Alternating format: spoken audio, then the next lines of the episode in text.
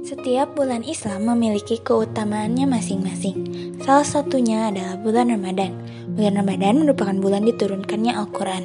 Tidak hanya itu, pada bulan ini juga semua doa yang kita panjatkan akan dikabulkan dan segala jenis kebaikan yang kita lakukan akan diberikan pahala yang berlimpah.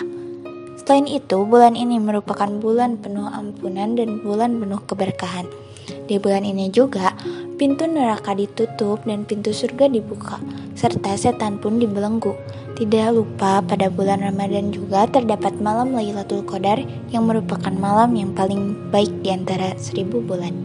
Kita bisa mendapatkan pahala yang nilainya setara dengan seribu bulan.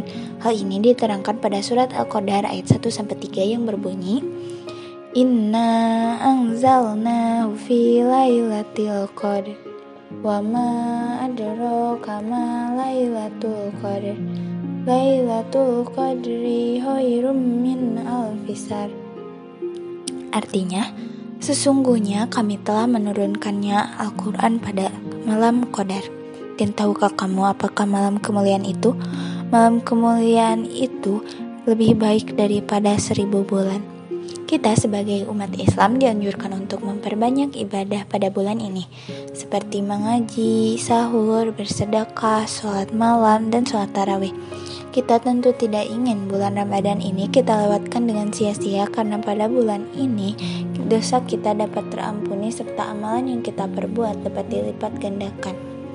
Rasulullah SAW bersabda, Qala Rasulullah sallallahu alaihi wasallam rogima anfu rojulin dukir tu indahu falam yusolli alaiya warogima anfu rojulin dahwala alaihi wa madonu summan salaho qabla ayu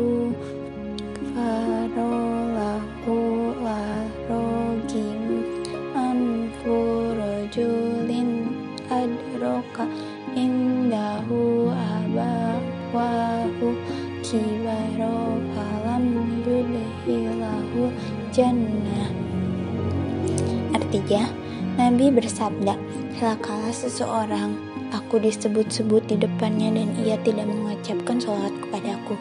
Dan celakalah seseorang yang Ramadan menemuinya kemudian keluar sebelum ia mendapatkan ampunan. Dan celakalah seseorang yang kedua orang tuanya berusia lanjut namun kedua orang tuanya tidak dapat memasukkannya ke dalam surga karena kebaktiannya. Hadis riwayat Tirmizi. Jadi, marilah kita melakukan amalan bermanfaat mulai saat ini.